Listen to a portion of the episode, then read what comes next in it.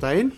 Þetta er uh, 30. þáttur af mannfræði hlaðvarpinu Rattir Margreði Leikans og í dag ætlum við að ræða við uh, Jóninu Einarstóttur, uh, mannfræðing.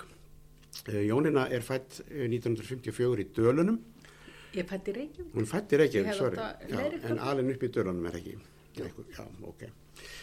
Uh, hún lauk B.A.prófi í mannfræði 1988 frá Stokkólms háskóla og doktorsprófi í mannfræði frá sama skóla árið 2000. Auk þess hefur hún lært spænsku, kennslufræði og efnafræði og er með próf í því. Jónina er sem sagt starfandi prófessor í mannfræði Háskóla Íslands. Helstuður rannsóknars við Jóninu hafa verið mannfræði barna og ungmenna, helsumannfræði og rannsóknir á þróunarsamfinu. Hún var lengi á vettvangi í Guinea-Bissá í Vestur Afríku, þar sem hún rannsakaði margbreytilega þætti sem snýra að heilsu barna, barnadauða og sorgarviðbröð mæðra, brjóstakjöf og mannsali á börnum, svo eitthvað sem nefnt. Hún hefur einnig rannsakað sögu og veruleika íslenskra barna sem voru sendi í sveit eins og það var kallað á síðustu öld og velt fyrir sér ýmsum síðferðstum spurningum í sambandi við það, til dæmis hvort það sé hægt að skilgreina uh, það sem mannsal.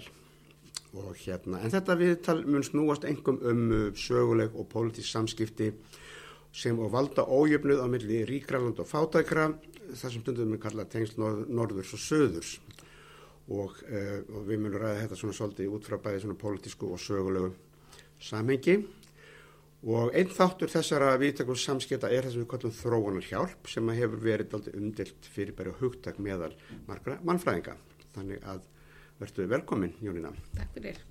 hérna, við ætlum að tala fyrst og fremst út, að, út frá hérna ákveðnum hugmyndum sem að koma fram hjá mannfræðingi, uh, hagrannu mannfræðingi sem heitir Jason Hickel, hann skrifaði bók fyrir fimm árum sem heitir The Divide eða sem sagt uh, bara gjáin. Og hérna sem fjallar um svona þessa hennan ójöfna þessa gjá sem er á milli sem sagt þess að við kallum er, er þessa ríka heims, ríkra landa sem er minni hluti, minni, minni hluti landa í heiminum og svo þessara svona fátæk, fátækari landa. Og, og þetta er umræða sem er svona byggir á spæði pólitískum og sögulegum þáttum tengdum sko nýlendutímanum, heimsvaldastöfnu og öðru slíku. Og hérna það eru margir sem halda því fram til dæmis að að þessi efnaðslega þessi efnaðslegu samband séu ennþanda í dag ennþanda í dag sagt farið fram undir formerkjum hérna lengt og ljóst sem sagt nýlandu tíma sem honum hafi aldrei lokið anmiðlega og hérna og það er alls einn svona þættir sem við ætlum að fara svona í gegnum og Jónin er nú að mörgur eitthvað sérfræðingur í þessu en ekki ég. Þannig að þannig að við ætlum að byrja því að tala hér um það sem er kallað svona hinn nattræni þróunar yðnaður sem að er oft haldið fram að hafi ekki náð sínum markmiðum, hafi ekki náð að enda hungur í heiminum eða fátakt eða með skiptingu og til dæmis eh, hefur komið í ljós allavega í mörgum rannsóknum að frá því að, að hérna, fyrir nýlendu hérna, ríki sem eru nýfrálsríki að þar hafi svona, svona sjönda ára til síðustaldar síðan, síðan, síðan þá hafi sagt, munurinn á meðaltekjur þess þeirra landa og þessara ríku landa aukist mjög mikið. Þannig að þetta projekt hefur ekki alveg gengið og, og hérna hvað segir Jónar hvað, hvað er þessi hnattarni þróunar innaður? Þessi þrættræðinni þróunarinnar er svona mjög yfirgrýpandi hugtak yfir mjög fjölbreyttan gera. Þannig að e, og fyrir mér er það oft vandamál hvað, hvað mikið á ólíkun hlutum er sett undir einn hatt. Mm -hmm. E, við höfum þarna allt frá alþjóðastofnunum, saminu þjóðabatterið og, og stórar alþjóðastofnanir alþjóðabankan og, og fleiri sem að spila stórt hlutverk í þessum geira. Við höfum tvíliða þróunarsaminu landa sem eru bara mjög mismunandi og síðan höfum við alveg ógrinni af frjálsum félagsamtökum mm. og síðan höfum við allan, allan þennan hérna trúarlega geira sem starfar mikið að þessum málum og, og þarna ægir saman öllu mögulegu. Mm. Þannig að fyrir mér er, jú, það er erfitt að segja eitthvað eitt um þennan geira. Mm. Meira segja eru markmið þeirra mjög mismunandi og og ah, bara vinnan sem að þessi aðilar í þessum geira er að vinna að hver miklu leiti með tekist og mistekist, að hver miklu leiti þeir hafi gert góða hlut og vonda það er allt þar mm. öll breytin mm. og er það kannski líka á svona svolítið mismunandi forsendum eftir því? Mjög, þessi eh, aðilar reyna þess að gera fara inn í geiran eða vinna að svo kvöldum þróanamálum mm -hmm á mjög mismunandi forsendum með mjög mismunandi markmið með ótrúlega mismunandi mikið af, af, af, eh, af fjármagni á bakvið sig og svo framvegis og framvegis. Mm -hmm. Þannig að það má kalla þetta svona yðnað Allan yðnað, ég veit ekki hvort ég myndi kalla allt sem er í þróunin geiranum yðnað Þú varst að tala um frjáls svona félagsamtök. Ég veit að það sem er að tala um svona ennskoðu NGO industry. Já það sé líka svona mjög mikið bákn sem að veldi miklu og, og, og, og sé mér mjög og er bara eins og innarun í heilt ótrúlega fjölbreyttur mm. og bara hvernig þessi samtök vinna mm. er bara svo breytilegt að það er mjög erfitt að segja eitthvað eitt um hann mm.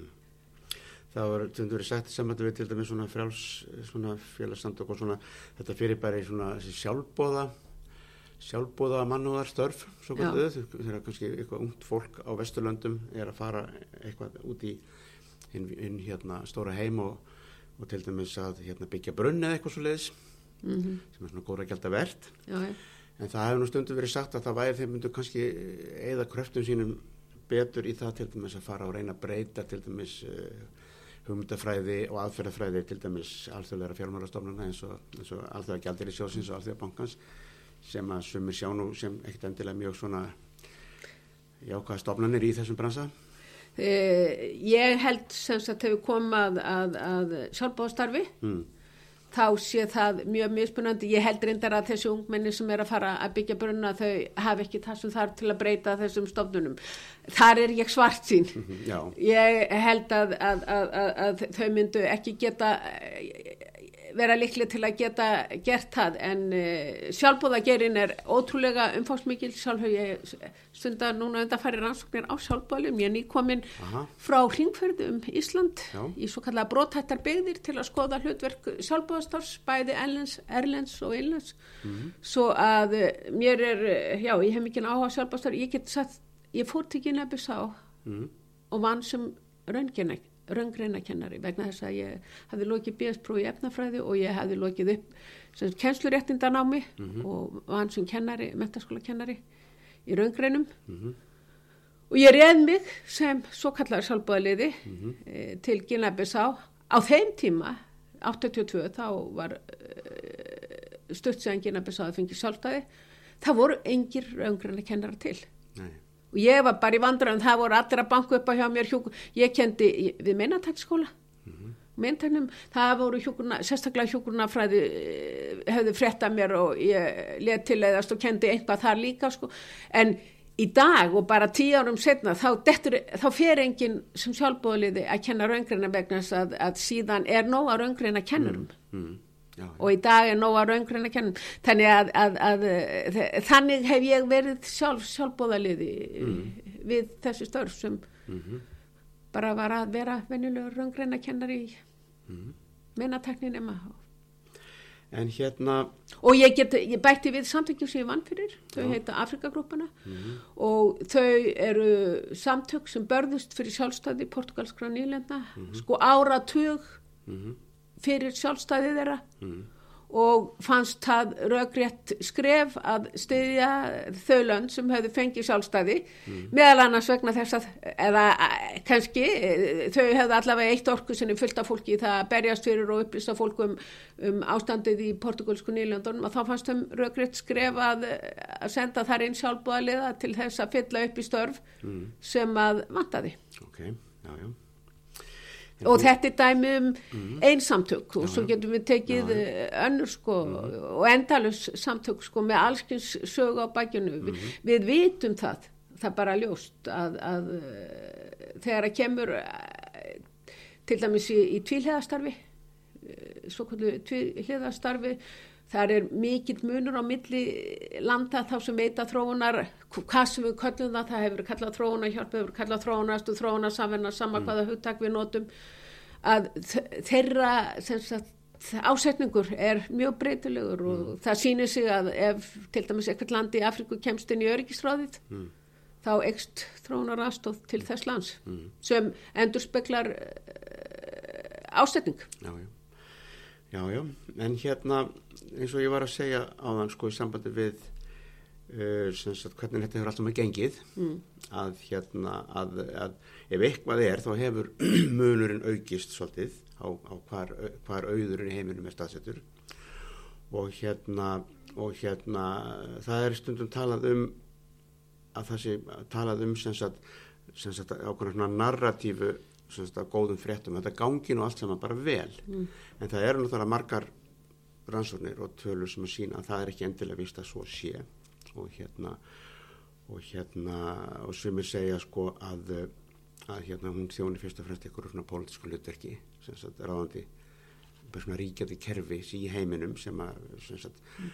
ég er verið þessar alþjóða fjármannstofnir er verið sjá um og sem ég segja í umbóði valdvasti ríkis heims og það sé nota svona, svona, svona valkvæð tölfræði til þess að segja okkur það hvernig þetta gangi og það er deilt um það, þess að tölur sko eins og veist, er? Jú, það er að, mæta, að meta fátakt Já, er hvað- bara í fyrsta lagi Það spurning- lítið til þess að drepast ekki alveg úr hungri. Já, en það snýst líka um sko skilningafátakt Já, uh, hvað er fátakt og það eru sérstaklega hinnan mannfræðinar og, og, og víðar sko þá er nú bara deilt um hvort það sé hægt að mæla hana. Það sé svo afstætt miða við og nú kemur inn að í hvað samfélagið og ert.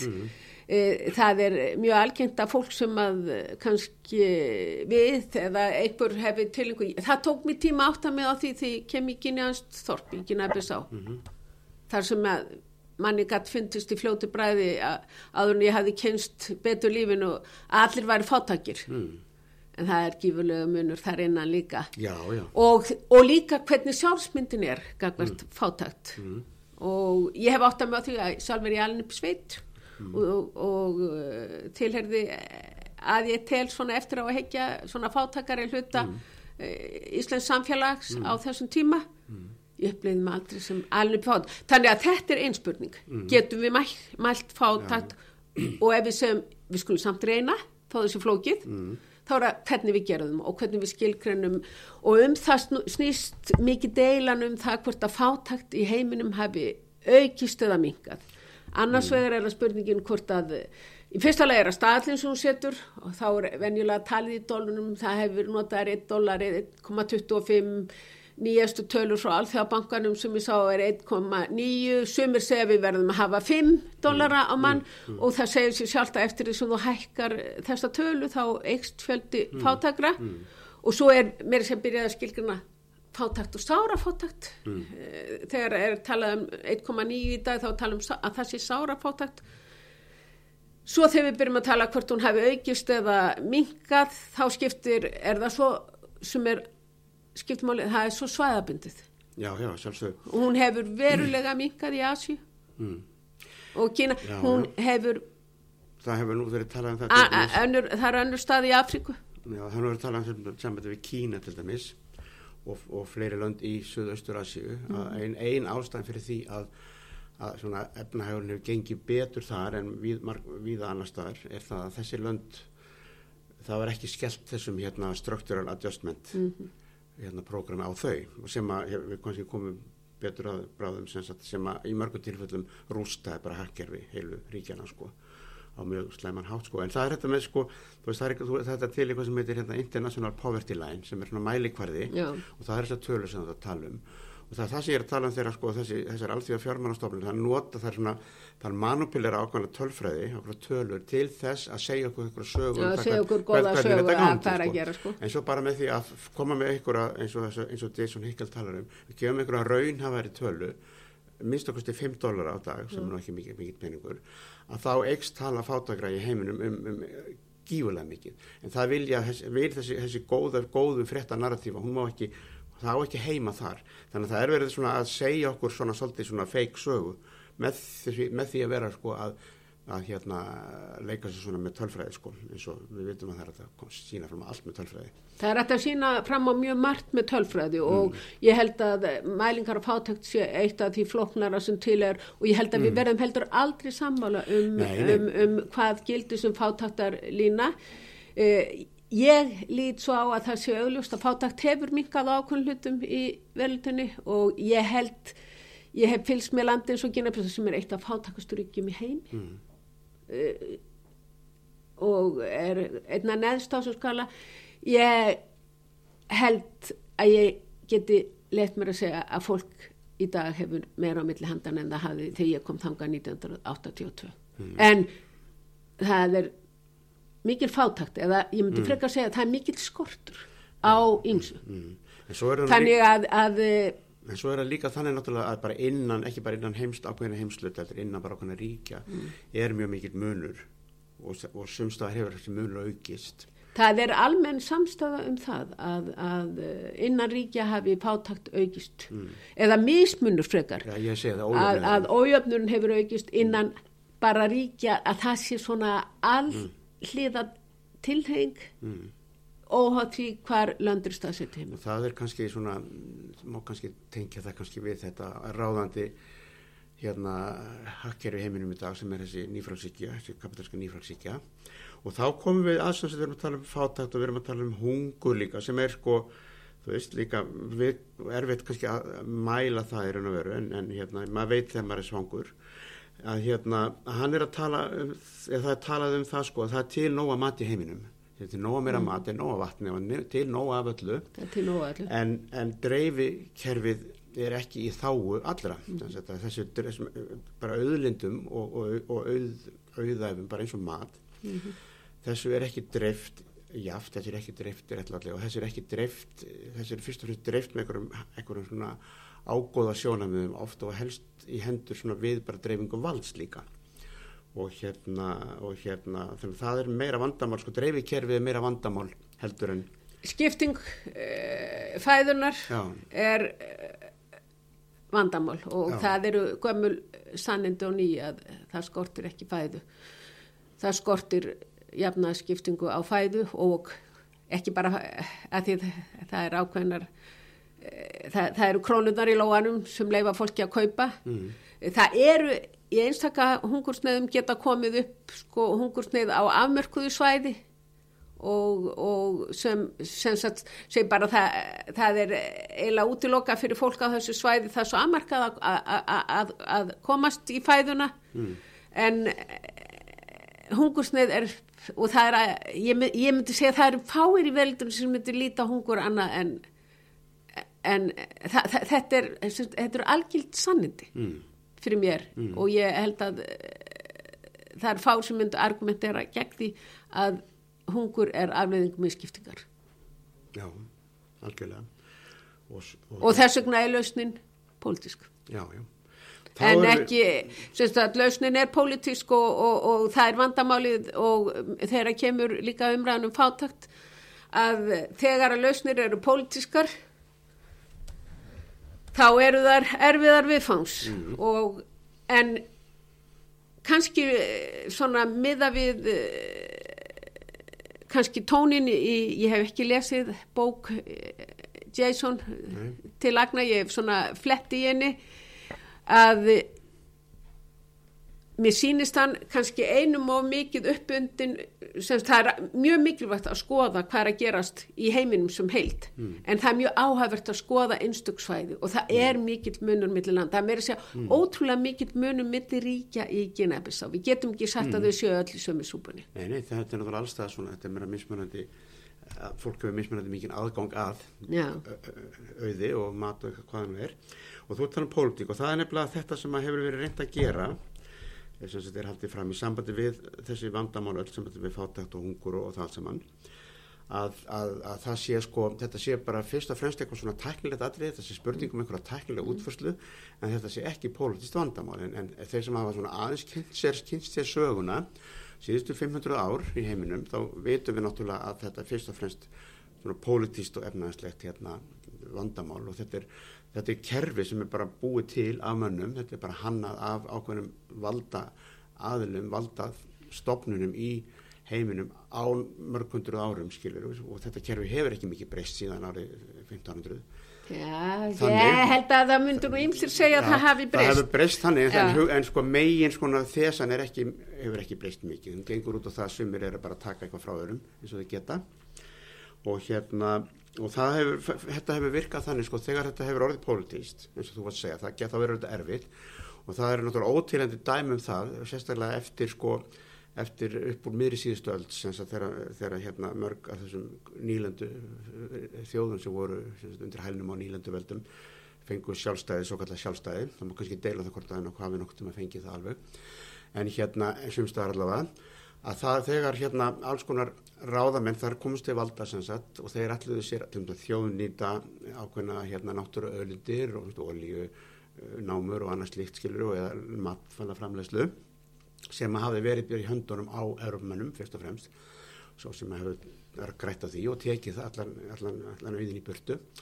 Að í mörgum tilfellum þá var þessum aðalum steift á stóli með ykkur bara valdatöku, hernaðarleiri valdatöku og, og í flestum tilfellum myrtir og komið á koppin einhverjum, einhverjum leppum, einhverjum herfóringir og einhverjum leppum til þess að þetta var í Indonési, þetta var í víða í Afríku, þetta var út í. Mið-Ameríku Ég er mjög sammála megin greiningu Jason mm, á sögunni, á því sem er að gerast. mm, Þetta er, hann gengur í fótspor uh, svo kallað dependency school sem að á rætur í Rómunsku Ameríku. Hann uh, skilgreinir vandan sem leggur mjög mikla áherslu á þessa miklu fjármagsflutninga frá fyrirverandi nýlundum yfir til fyrirverandi nýlunda herra og, og uh, Evrópu og Norður Ameríku.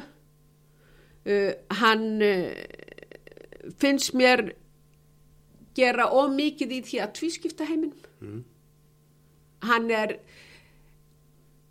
sem sagt, hann uh, sýnist mér á þess að hafa lesið að nógu vandlega sko er þegar þú byrjar að skoða ákveðna heimsluta, ákveðin svæði þá sérðu mismunandi hluti sem hafa gerst.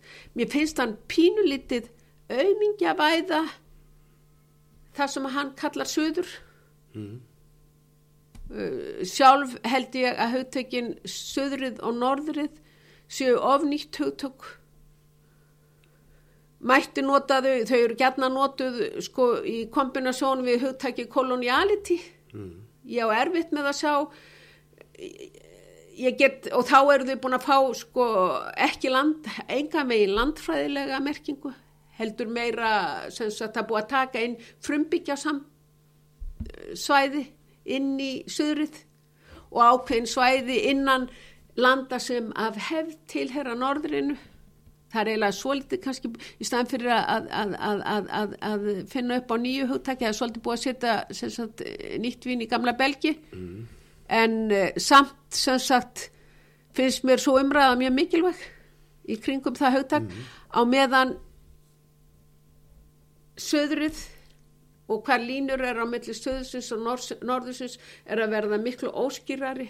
Það eru bara ríki sem tilheyra gamla söðrunu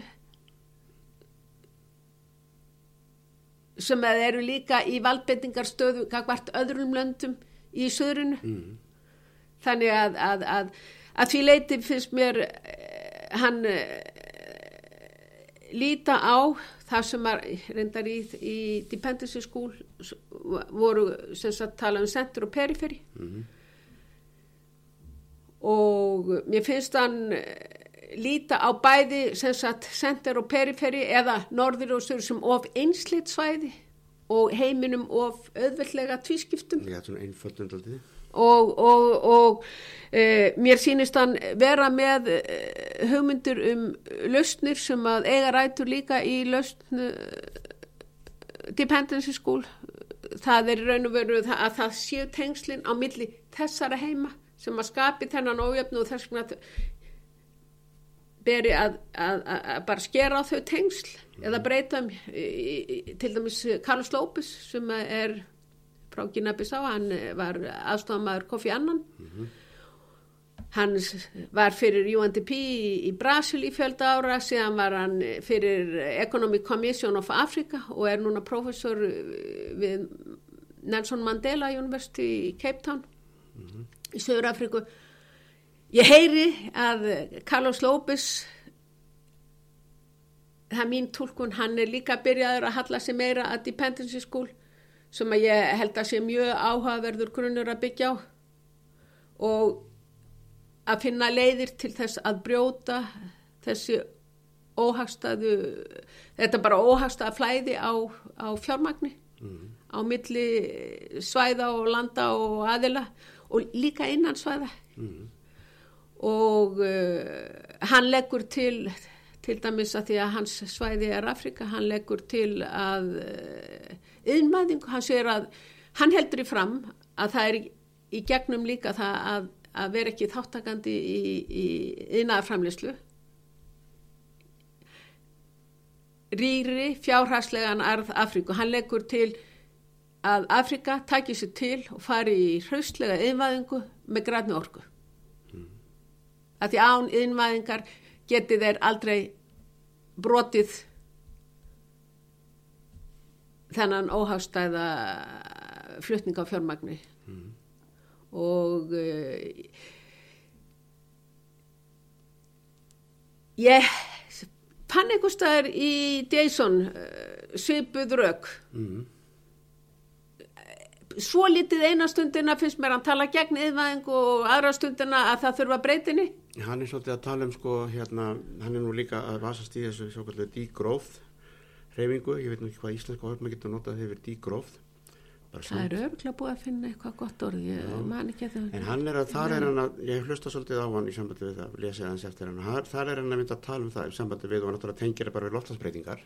Að, hérna, að, að þetta sé spurningum orkunótkun Þetta er spurningum orkunótkun og, og að neyslu og hann segir þeir sem er náttúrulega þurfa að breyta sínum mm -hmm. orkumálum og nýslumálum er náttúrulega þetta ríka norður eða vestur eða hvað við kallum það þessi, þessi ríkari innvætturland uh, hvernig sem við skilgrannu það og hérna en það sé ekki hægt að ætla til þess að, að önnur ríki sem, sagt, sem standi alltaf öruvísi og hafa í alltaf sögu og ábyrg líka mm -hmm. það sé ekki hægt að ætla til þess að þau gera það slíkt því sama þau þurfi náttúrulega að fá að að hérna eins og þú segir þetta talum að hérna rétta hlutsinn rétta hlutsinn sem sagt og hérna þannig að það lítur nú vera bara heila sjálfsagt þannig að þannig að hérna þannig að hérna en þetta er sko hvernig lítur, þessi, lítur þetta út í dag? Ég meina hver, hvert, er, hver, hvert er þetta að fara þessi, þessi, þessi þróunarmál? Ég held að, að í grunninn er eh, þró, staða þróunamála í dag og það gerðist raun og veru með tilkomi heimsmarkmiðana mm. að þá er byrjað að líta á heiminn meira sem eina held mm. Eh, það er verið að horfa doldið frá þessari tvískiptingu heimsins mm. að sumu leiti í staðin fyrir að tala um, um það sem áður kallast international development, þeir talað um global development mm -hmm. og sem svar við eh, áskorunum í umhverfsmálum mm -hmm. og fyrir suma líka sem svar við aukinni fátakt viða um heim mm -hmm. á meðan eh, aðrir bara ákveðin hluti íbúa í sama samfélagi verður ríkar og ríkara og, þa og það er og Jason nefnir tölur og erum við til alveg ógrinni af tölum sem sína hvað ótrúlega fáir einstaklingar, einstaklingar í veröldinni. Mm. eila hafa yfir að ráða yfir ótrúlega stórum hluta af auðafum heimsins og sumir að þessum einstaklingum eru indirer eru koma hinga á þangað ár heiminum. Mm. Og eh, að Afri, þannig að ég held að, að sumuleiti sé eh, þróunin í áhersla sagt, þessi nattrann áhersla, hún sé jákvæð. Að sumuleiti held ég hún geti líka verið neikvæð að við leiti að, að, að við uh, horfum fram hjá svæðum í verðildinu þar sem er ótrúlega mikil fátakt mm. og bara viljum ekki vita af henni. Mm. og viljum ekki sjá hana. Já, já, þetta er náttúrulega svæðisbundi líka eins og segir, ég menna það eru, það eru einhverju ríkustu mönnum í heimi eru indverjar. Mm. En það er náttúrulega gífileg fáta það líka já, já. þessu Einmitt, ríki. Það er það sem máli snýstum mm, að, að, að, í sam, að í sömu samfélum eru bara ótrúlegt ríkidæmi og, og síðan alveg ótrúlega fátakt mm. og uh, við, það er náttúrulega bara ljóst að það er búið að byggja upp uh, fjármálakerfi sem að ítur undir það. Mm, já, þetta fjármálakerfi er náttúrulega nættrætt er það ekki? Það er nættrætt og það er mannana verk. Já, já, þess að við vorum að tala um aðan sko. Þa, þá kem ég aftur af sko og, og hver væri þá lausnin á þessu? Ég held að uh, lausnin hlýtur að vera nættræn. Mm. Þó ég sé ekki bjart sín á slíka lausn vegna þess að ég, því miður þá held ég að þeir sem hafi fjármagn og völd þeir haldi fast í sín, sitt mm. fjármagn og mm. sín völd mm. og en samtímis eh, og þar er ég ekki sammála heikel hann leggur svolítið áherslu á að það sé ekki þetta að gera í, í, í, í vondum málum í henni veröld án þess að koma á því sem hann kallar uh, Global Social Democracy. Mm. Ég er mjög svart sín á að við náum slíkri samstöðu Já, ekki... en get séð fyrir mér að það sé hægt að bæta ímislegt eh, meira staðbundið í veröldinni mm. sko án þess að ná því. Það er ekkit bendið til þess að sé að koma einhver, einhver nattrænt sósaldemokratismi núna. Nei það eru kostningar núna í Brasilíu Já. sem eru ennþá tvísinar Já, það varu bara og, og nú er Brasilia eitt af þessum löndum Já. við erum að, mm. getum tekið það eru Bríklandin og, mm. og, og það eru þá Kína, Eindland mm. og Brasilia og svo Suðrafrika mm. eru lönd mm. sem að mm. og þegar, að, þegar ég kem aftur að þessari tvískiptingu heimsins að, að í fræðunum og í umræðinni er hún notuð mikið. Og svo kemur alltaf já en ég veit, já það er nú spurning hvernig við erum að fást við akkurat þessi lönd. Mm. fórum megin eru þau? Mm. þannig að uh, þetta er meðal annars ástaf fyrir því að ég tel að við verðum að, að við verðum að koma okkur út úr þessari tvískiptingu. Og við verðum að byrja að hugsa um heiminn á annan hátt. Mm. án þess að gleima sögunni. Án þess að horfa fram hjá þeim fjárhagslegu struktúrum í veröldinni sem að eh, flytja fjár, fjármagn ekki bara á milli landal heldur í hendurnar á bara einstaklingum og sem að, já, sem að, sem að enda, hva, hvar sem þið búa já, já. í einu veröld og það, það talandi um þessi fjármagn ég held nefnilega að með því að tvískipta heiminum mm. eins og gert er mm. og sem ég finnst vinnur okkar hérna Jason Hickel mm. gera um of þá horfum við framhjá. Við missum sjónar á hvað er að gerast. Við höfum svo mikla tilningu til að alhæfa um annan heiminn og alhæfa um hinn heiminn á meðan þeir eru svo fjölbreyttir. Og við horfum mm. fram hjá og við missum sjónar á mikilvægum aðröðum Já, já, en þetta, en þetta er náttúrulega einhver svona tvískipting eða einhver svona klopningu sem er náttúrulega bara búin til mm -hmm. ásetningi líka, svona pólitíst og það er náttúrulega að tala um það núna sérstaklega eftir þetta Úkrænu stríð sko að þessi Bríkland til dæmis það, það er, þeir voru að funda núna í það verið í Úsbekistan eða Kassastan Úsbekistan held ég, bara nýlega og þar er þeir, það er verið að pæla því að koma upp nýju alþjóðlegu mm -hmm. fjármálakerfi og svo mhm. sniðganga dólaran því mm -hmm. það er náttúrulega að dólarin er það sem heldur sko dollarin er mikilvægast að valda stofnin í heimi í raun og veru mm -hmm. og það er í gegnum dollarin sem sko hægt er að steipa sko heilu heimsleitunum í skuldafenn og, og hérna eða, eða hérna hvað sem þið vilja gera við þessi völd sínskilru þetta er þess að viðskipta þinganir til dæmis líka sem hafa áhrif á fátækt og mm. auðvum og því allt saman það allt saman þetta er gert í krafti dollarin svo lengi sem hann, hann ræður og þannig að það er verið að þannig að því litur til þegar svona hlutir er að gerast þá ertu með menn í kaldastriðinu vorum við með tvær blokk, pólitíska blokkir mm -hmm. skilur, sem örðu bara til okkur pólitískum ástæðum skiluru og svo erum við með þessar hérna, bara allt aðrar blokkir núna í raun og veru. Mm.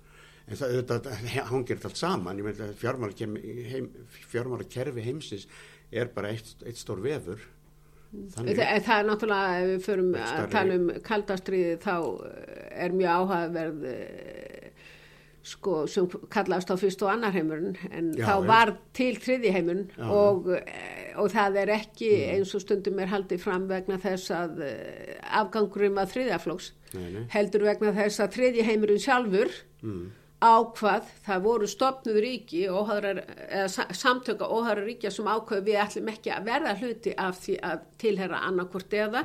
Við köllum okkur þriðaheimin og, og, og köllum sér sjálfan þriðaheimin þannig að þá erum við komið með þrískiptan heim. Uh, ég held að uh, sem sagt það er mjög áhæfvert hvernig það myndast blokkir og, og uh, Í kringum okkur nafni hagsmuni. og, og það, í kringum hagsminu og mér finnst ég sjá daldið í dag að þessi þriði heimur Mm. sem sumir hverjir velja að kalla sig ennþá þriði heiminn Mm.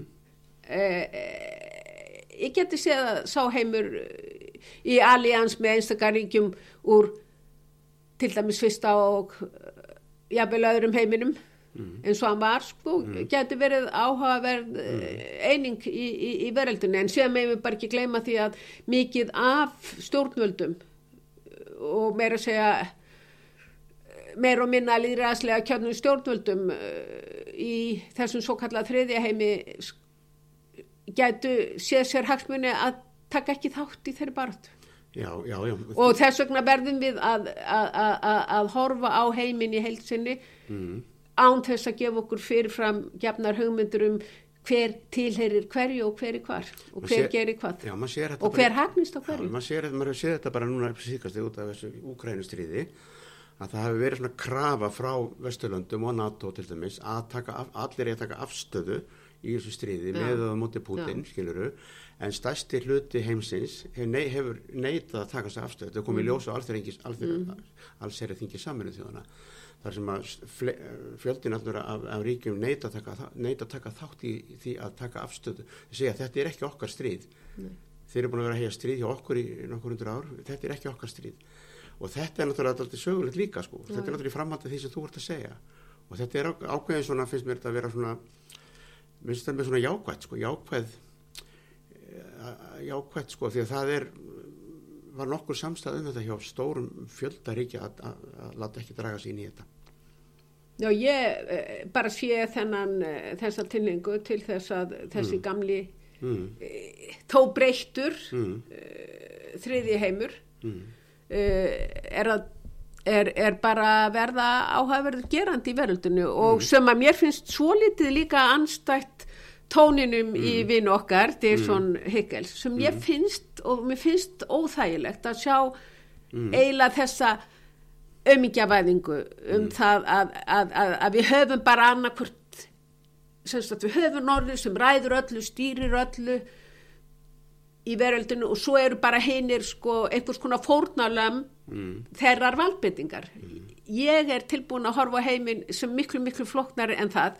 Jábel þó ég sjáu að valdbytting af þessu tæju sé til staðar, að þá finnst mér bara raun sannari mynd og held að við komumst sagt til betri skynning sem hvað er að gerast inn í veröld með því að, að, að sleppa svolítið þessari kem enn og aftur að því þessari náttúrulega og hún gef okkur uh, tækifæri á að sjá nýja hluti líka til þess að sjá hluti sem ganga illa og hluti sem ganga vel í henni veröld. Mm, og þegar kemur að uh, nú kem ég aftur að þróunagerun ég sammála uh, Jason Hickel hann segir þúsandamarkmiðin mm, hann telur að þau hafi gert góða hluti varðandi barna og maðurrættuða. Ég tel að þa- það sé margt jákvæmt að gerast í veröldinni varðandi mentun. Við erum að sjá stúlkur í veröldinni, sérstaklega í higher education, uh, taka yfir mentun að gera og maður bara spyr ekki bara á Íslandi heldur annars þar, sko, hvað ætla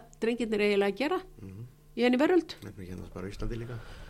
Þannig að það er ekki bara á Íslandi, samtími sem það eru mikil, eh, mi- miklar áskoranir í mentunageranum, þannig að sjálf er ég ekki tilbúin til þess að taka undir það að allt sé að fara til anskotans, að ekkert af, af eh, átökum í þróunarsamfinu hafi ekki skilan einu. Síðan höfum við fullt af, af, af, af neikvæðum málum. Ég held í fram að eh, ef við horfum fáta- komum aftur á fátaktinni, minkun fátaktar í Afríku hefur ekki gengið fram. Jú, það er ákveðin hluti heimsins þar sem hefur, hefur orðið veruleg minkun á fátakt og þá verð ég að segja það, þetta er erfitt að mæla en það hefur verið gerðið til hennar og til hennar til að mæla með þessum með hinum hætti sama hvaða, ef þú nota bara sama, sömu mælistykuna aftur og aftur mm. þá væri kannski hægt að sjá breytingar mm. Og svo getum við delt um hvort mælistykan sé rétt. Mm. en við ættum að geta fengið einhvern samanburð. Þá, jú, það sumstaðar hefur fátakt verulega minkað og sumstaðar stendur hún stað og sumstaðar hefur hún aukist. Mm. Já, heimurinn er náttúrulega ekki einfaldur en, en hérna en og til miður þá erum að sjá ríki í henniveröld sem að eh, kannski voru komnir vel álæðis með að vinna gegn fátakt og þá er ég að tala um mörg ríki á okkar slóðum í henniveröld mm. sem er að missa þetta aftur þannig að, mm. að ekkert sem er áinnið mm. engin barátta sem er áinnin hvort sem það varða réttindi fólks tilherrandi mismunandi hópum það þarf alltaf að verja allt, það er mm. ekkert sjálfgefið að hafa og áinni til endanlega Nei, nei, og við sjáum þetta nú bara það er nú gott aðeins með þetta finnst mér nú bara að vera það sem er gerast til bara í Evrópu í dag, svona í pól, pólitísi sko, að við erum búin að vera hérna ávinna, ávinna okkur svona síðan, síðan bara á síðustu öll sem sett allt með fullt af borgarlegu réttindum sem, sem er verið að Þarf að verja í dag. Þarf að verja og er verið að... Og er verið að, er verið að krokka í, sko. Já, takk í börtu. Er verið að krokka í og eru bara mm. auðvelt að sjá, sem sagt, já. hver, já, það, það má ekki hætta baráttunum fyrir þeim réttundum. Þannig að við þurfum að, held ég að, já, og ég bara ítreka enn og aftur. Mm horfa svæðabundið en líka innan svæða hver að gerast mm. að því að þegar við förum að tala aftur um tölfræði þá er, sko, er meðaltalið óttalega erfitt mm. það villir okkur sína á mörgu mm. þetta blessaða meðaltal þannig að það er mm. mjög mikilvægt að átta sig á því hvað líkur á bakvið meðaltal Þetta er svona svipað þegar við erum að koma eitthvað meðaltal sem við meðal laun sko því að það er eitthvað tíu miljardamenningar í miði Já og hækka, það er reyndar oft í meðaltali sko eru svona svo kallar átlægers mm. teknir út Já. en þeir eru samt mjög áhæverðir og, og mikilvægt átt að sjá að þeir séu til mm. og uh, öll tölfræði um ég er til dæmis gerðan gaggrinn á indikatora fyrir mörgu en uh, samtími sem að þeir geta sínt okkur einhvað, það er ótrúlega mikið nú orðið af samsettum indikatörum, það er verið að það er verið að, for, er verið að rafa löndum og samfélögum niður eftir því hver er bestur í þessu og svo er bara ég held til dæmis að það er verið mikil framferð þegar við tókum upp lífskeðastöðlin Human Development Index mm. en samtímis það er samsettur, það er svar gegn því að uh, mæla eða leggja sagt, það er svar við hafistinum mm. að skoða aðra þættu og þar koma inn mentun og heilsa og, mm. og jafnbreytti kynja og fleira mm -hmm. en það er samsettur indikator líka erfiður sko mm. en, en áhæfverður en getur líka verið hættulegur að því að við erum bara með miskóða tölfræði í verðundunni þó að Já, hún hafi sennilega batnast. En ég held að við séum ómikið að búa til mælistykkur á atriðir sem er að mæla. Og við horfum fram hjá því sem við getum ekki mælt Já, í þessari mm, áráttu sem er nú ofta mikilvægast Hæmingjan er mælt og ég get sagt þér að ákveðin tímabla fekk ég mikið áhuga að hæmingjur ansóknum og las mér létt til óbóta um hamingjuransóknir. Er þetta mæla hamingju? Já, það er nefnilega, það er eins og fátættin. Það fyrstur að vita hvað hamingju er. Sko. Það er búin til einhver, einhver uh, semst að... Er hún til? Uh, hún er mælt, hvort sem hún er til eða ekki, mm. en hún er mælt þannig að, að einstaklingur látni sjálfur semst að tjá sig tjá sig um sína hamingju, hvernig þeir upplifa sína hamingju mm. út frá stundum mismunandi skilgreiningum og þá hafður það er að til þess að, að til dæmis efnahagur hefur verulega áhrif á hamingju að mm. því leiti að fátakt eða skortur mm. upp ákveðnu marki, minkar hamingju, síðan eikst hún og svo minkar hún aftur eftir sem þú verður ríkari. Þannig að mm. ekstremt ríkt fólk er gætnan ekki svo er. Já, þannig að, að uh, þetta er svona eina niðurstöðum hamingju. Það eru til þeir sem vilja setja hamingjumælingar inn í lífsgæðastölinn. En mikið af þessum mælingum eru mjög subjektívar, erfiðar að mæla og það er líka mismunandi skilningur Er þetta ekki bara með í menning, menningalega Já. bundið sko því að margar, er ekki margir þessi staðlar sem hefur verið að nota í svona tölfræði og mælingum þetta er náttúrulega staðlar sem eru byggðar á svona okkar svona vestrænu menningalegu forsendum er ekki? Það er, er það eflust mikið sko en svo eru líka verið að, er, er verið að reyna að búa til eh, aðlaga stala að, að mismunandi menningar heimum. He, en ef þú vilt þetta nattræna, þennan nattræna samanbörd, sko, þá er það, já, oft hannig. Og þar kemur sem sagt mjög áhaverður hlutur eða umræða sem er umræðan um uh, þekkingu, umræðan um hvernig hinn vestrana þekking horfir fram hjá uh, þekkingu, við tekinni þekkingu annars staðar í enni veröld. Og uh, sem er bara mjög áhugaverð og, og mikilvæg umræða sem sagt hún er mjög mikilvæg, hún er líka svolítið snúið verðan þess að mikið af þessari vestrænu þekkingu kemur náttúrulega uppnáðulega strannar staða frá. Já og já. Líka, svolítið svona einflutt. Mikið, já, e- ef við hefðum bara litið á sko íslenska sérþekkingu, þá kunnum við nú ímislegt um að spá til veðurs og, já, og, og, og ákveðin hópur kunni að nota grös og, já, já, og svo framvið sem að, spá í hvar já, fiskur er já, og átta sig á, nefið út í loftið. Já, En segðu mér hérna í þessari kynningum minni þannig í byrjun þá hérna er eitt sem að þú, þú myndist sem þú verður að rannsaka sem að mér finnst svolítið áhugavert bara svona persónulegum út af persónulegum nótum sko. Það er þetta, þetta með hérna þessar rannsóknir þína á börnum sem er sendt í sveit sko. Og svo er þetta að bera þetta saman við sem sagt ákveðin, ákveðina stopnunir í Vestur Afriku til dæmis sem er svona svo kallega kóranskóla mm -hmm. og er, þetta er eins og með þessi hugtök og skilgreininga, það, það er ekki samkómalag um það hvað hvenar er mannsal, mannsalar og hvenar er ekki mannsal Það er mjög uh, umdelt mannsals mér sínist ég hef uh, hugsað, byrjaði að hugsa um mannsalshugtæki svona uh, 2009 Mm. Þá var ég beðin um að gera einmitt eh, rannsókn á mannsæli barna í Ginabisaf og mm. UNICEF sem bæði mig að gera það og þá kynist ég Amato Buaro sem er núna dóttorsnemi mm -hmm. í mannsæli og uh, það er þá sem ég átta mig á því að hliðstæðir syður og ég, þá myndi ég ekki taka kóranskóladrengina sérstaklega sem hliðstæði heldur meira bara því börn eh, sko eru send þar kannski oft eru send þar kannski oft sko úr sveitin í borgina eða bara á milli eða til ættingi og allt þetta sko og það er eh, kallað mannsal, þá byrja ég að hugsa um já en síður að senda börn í sveit, er það ekki mm. hliðstætt síður? Ég held í mannshalsumræðinu, þá held ég að sum frjáls félagsamtök, það er misaf söður mörg fjö, sum frjáls félagsamtök sem vinna að réttundu barna velja að taka að vinna með verkefni sem að er auðvelt að fjármagna. Vegna þess að þau eru svo þau eru einhvern veginn svo afgerandi. Þannig að við getum ekki satt okkur við þau. Og það eru auðveldar að fá fjármagn mm. fyrir þessu verkefni en til dæmis að steyðja við skólastarfi á svæðum þar sem er ekki skólar.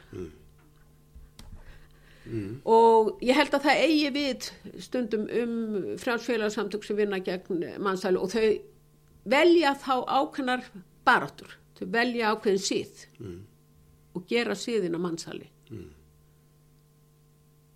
og þetta veldur ótrúlegum deilum. Já skipta skoðanir um skipta skoðanir um það.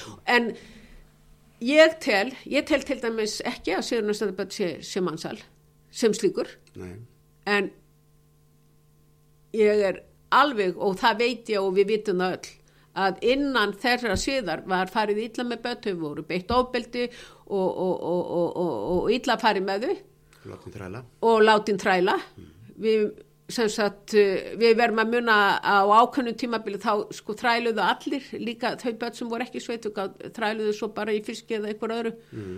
gjarnan. Það var allt annar sem sagt það var allt annað í gangi varðandi vinnu En- og, og líka þarna. En það var brotið á börnum. Mm. innan þess að sís en ég er ekki tilbúin að fordama þennan sís sem mannsal barn og það sama á við um kóranskóladrengi það er illa farið með drengi í, innan þessara kóranskóla og, og sem á ekki að líðast. En ég er ekki tilbúin að taka alla hefðina og gera hana að mannsali Nei, þannig að þetta er svona mörgur þetta er þetta svona alveg sambærilegt hvað þetta varðar. Það eru svona hlýstæður Hvernig maður metur þetta? já, og, og talandi bara um eins og út frá mannfræðinni bara maður tala bara um svona ólíkar hefðir. Já, það er eitthvað síður hefðir sem að týðkast í ákveðinu samfélagin sem já, að það sem að kannski heimamenn og þeir sem að hérna, stunda þessar hefðir líta ekki sömu augum á það og kannski ykkur utan að koma til þar komum við nú svolítið með þessa hérna, menningarlega ástæðsíkju inn í þetta. Er ekki líka? Ég get tekið bellið já, sem dæmi. Mm, innan Gínabissá mm, er bara mjög mismunandi höfndur hvað felist í því að betla. Mm. var bara og hverjum leifist að betla og hvenar í hvaða samhengi og, og, og svo framvegis og framvegis. Það eru uh, þjóðnistópar í Gínabissá sem að eru bara segið, fólk sem getur raunnið á ekki að betla. Sumstar mega tvíbura mömmur betla og það er reynilega ætlast til þess að það er betli og með að hvað ég, viðtöl sem ég tekið um þann síð, þá er það ákall á einhvers konar samfélagslega samstöði að því að allir vita að tvíburar í þessu samfélagi deyja auðveldlega, nú nota ég það orðatak sem að sagt er um tvíbura, þau deyja oft og þá er eiginlega ætlast til þess að tvíburamæður í suma samfélagin Gínabissá gangi um og betli byggði um einhvers konar samfélagslega aðstóð það er mín tólkun e, sumir líta á og, og þá komum við að korsilu betls, það að vera að undirkasta sig öðrum og það að, að það sé lærdómur í auðmygt mm, og því að þurfa að vera öðrum háður. Þannig að það eru allskins hugmyndir til um, um betlið og í hvaða samhengi já, já, það sé ásættalegt Mm. æskilegt og jafnvel nöðsynlegt já. Og þetta er náttúrulega eh, svona ekkit þá séu náttúrulega allt um skala. Þetta er ekkit óskilt þessu sem við erum búin að tala um í samtalið þetta er svona þróun og hjálp líka, þetta er ákveð svona undir- ég heldur fram að, að, að, að staðstu betlararnir mm, ég set gæsaleppur um það í okkar samfélagi eru einmitt uh, allskins samtök sem betla fyrir hönd annara mm, Heyrðu, hérna, það er eitt sem ég langar að spyrja þig sem þú ert kýna pissa á, þú ert náttúrulega alltaf að þvælast þar. Og Já, þið, já. hjónin. Hérna, er, er fólk þar farið að hérna, eitthvað að hugsa um og tala um svona afleggingar loftlagsbreytinga lítið. Þetta er náttúrulega sjávar. Mjög, mjög, þetta, er, eh, þetta er mjög lálegt land. Já. þannig að það eh, mun hafa hækkun sjávar hefur fljótt afleðingar mm. fólk þar sem við erum er lítið farið að tala um afleðingar loslasbreytinga Mm. en ekki þarf að vera var við breytingar Nei, það eru, það voru, fólk ræðir það sem að eh, allir tala um, Mm. mm. tala um veðrið líka Já, þar sko, jú, jú. það eru regningarnar, koma þar, eru þar meiri betri enn í fyrra, skildu þar endast mm. inn á haustu sko, hvenar á ég að sá, það skiptir máli að sá sko, kannski alveg upphafi sko en ekki á snemma og allt þetta. Mm. það hefur ringt mjög vel í ár og það eh, skiptir ofsalega miklu máli fyrir afkomi stórsluta aðgengja mat. Gínabissá eh, reyndar eh, er land sem einkennist ekki af miklum hungursnöðum ekki, það er ennþá það er það sunnalega en, en, en, en með að við sahelbeltið. En, en það koma uppskjörubrestir og þá og það hefur beina áhrif strax hvort fólk borða vel.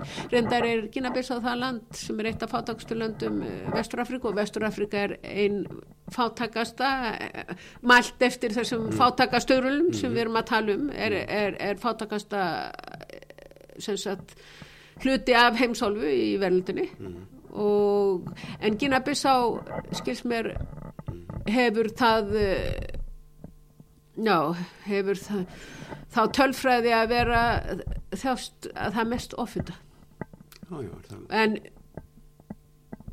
ekki hungur heldur næring. Mm, einkenni sem staðgengi að góðu fæði eða uh, er oft ofita líka. En svo eru líka bara mismunandi viðhörf til, of, til þess að vera uh, oft hungur sem sagt, já. það er líka og, og það líka er táknum þess að þú hafir nóg að borða. Já, þetta var svona ég er okkur Já. Já. stundum það er En, en bara- þetta sama land sem sagt, hef ég séð á einhverjum uh, skölum sko, þá er það, það land í þeim heimsluta sem að þessu í Vesturafriku sem hefur hvað mest af ofþyngd. Já, og það er reynda líka svæðabundið í Gínabis og þá sé lítið land það er nú bara þriðjungur af Íslandi er flæðamáli að það er talsveru munur í austurhjörðunum og hjörðunum með framströndinu þar sem rignir meira og, og afkoman að því leiti oftast sagt tryggari. Það er nú oft, allavega vesturlöndum er nú oft svona samræma milli fátaktar og er mitt sko, það er sér að segja það er samspil, ó- ódýrt bara sigur fæða ykkur. Það hefur með næring að gera. Já, já Nei, ég hef nú bara að hugsa um þetta með þessar loftslagsbreytingar að hérna að, að, að, að hérna sem við þróuna hjálp náttúrulega svo kallega að, að það er náttúrulega við vitum það að það, það er að vistkerfið er að breytast já, já. og það fyrir að vera Það eru, það eru mjög áhugaverð umhverfisverkefni Mm. í Gina-Bissá og eiginlega þau samtök sem að eru hvað sínulegust og gera hvað mest eru, eru frjálfélagsamtök, gínuðsk frjálfélagsamtök sem eru bara með mjög uh, góða, bara virðingaverða vinnu í þeim málum. Mm. Samtíms ef við tölum um, um uh, þróunar, uh, hvað eina við kollum það að, ég held að án þróunarframlaga, ef, ef ég má nota það orð hér, þá væri ekki mikið um skólagöngu barna, það væri barnadauðin væri verulega herranin er maðuradauðin væri og það má gera betur í öllum þessum málaflokkum. En það eru þarna mikilvæg atriði fyrir æsku Gínabissa þá er bara þannig að með þróunarframlegum þá eru ákveðnir hlutir bættir fyrir þennan hóp. Mm. maður og bönn það er gott en samtímis er ég tilbúin að segja að það mætti gera miklu betur Mm. fyrir þennan sama þessi sömu fjárframlegu og að það já, það er bara mjög mismunandi verkefni sem hafi verið þar í gangi. Þannig að ég er, þú far mig aldrei til þess að hattmæla aldrei þróunasafni Nei, nei, myndir ég ekkert að því. En ég er tilbúin að hattmæla mikið af henni. Já, já. Nú og bara- áherslum í henni og, já. Og, og ég hef meðal annars skrifað grein um eh, sem, sem, eh, sem sagt, fjallar um etisk sjónamið í allocation of aid mm. Já, og, og, og fer þar í gegnum eh, mjög skipli gegnum eh, er svona samantekt á á vandamálum sem tengist allocation of aid Mm. Já, svona síðfyrirsta spurningur í sambandi við það að Já, bæði, já bara er það, er það þörf Já, sem já. að stýrir því hvernig framlögum er skipt Mm. og svo framvis við sjáum til þessi í, í, í neðrastóð Mm. þá sjáum við að það er mjög mismunandi eftir hvaða tegund af, af neðartilvikum er í gangi hve- sem svo er þessi neðartilvik metin, fjárþörf metin og að hver miklu tekst að fjármagna fjárþörfina Mm. það eru til uh, neyðir neyðar tilvik sem að fá meir en 100% og svo eru annir sem fá kannski 20 Mm. eða ekki neitt og þá sýnist mér svona meginreglan er að langvarandi neyða aðstæða oft sambland af stríðsátökum og þurkum eru gjarnan neðar tilvík sem fá minni aðstóð en, en til dæmis náttúruhamfarir. Náttúruhamfarir er einhvern veginn Uh, við. já, er tilhengt til þess að veiti, veita meiri fjármunni í náttúruhamfyrir en, en kannski langvarandi stríðsástand ástand og einmitt þar sem að hungrið er að laðast inn af, af fólki. Þurkar Nei, Nú, nú er náttúrulega svo loftlagsbreytingar að, að að stöðla auknum náttúruhamförum já, já. og allt það. það er mikil meðvitund um það náttúrulega í, í, í, í, í, í bæði þróunageranum og og þar eru bara sem sagt það, það, það, innan þess gera þá er ekki talað að einum rómi. Nei, og það eru mikil umræða um bara fólksflutninga sem muni eiga sér stað og, og, og hvernig sagt að reyna að vera að breyðast við þeim og svo framvist þannig að það, það er bara þetta er svo fjölsóð þetta er svo sko fjölbreyttur geiri sem ég vil ítrykka og ítrykka hér og nú. Að, að hérna að, að, að ég er bara ekki tilbúin að einu sinni kalla hann einu nafni. Nei, eins og talaði hann mjög byrjun. og að ætlunum eitthvað eitt. Nei, einmitt. hann er miklu flóknar en svo. Já, herri Jón, áður við hættum, þá þú vorst að tala um að þú værir að vinna núna í ykkur verkefni í sambandi við uh, hérna, hérna tórnera í kringum landið. já, Segðu okkur svona aðeins bara frá því, því að snúum okkur nú bara hinga heim aftur í heimaðan.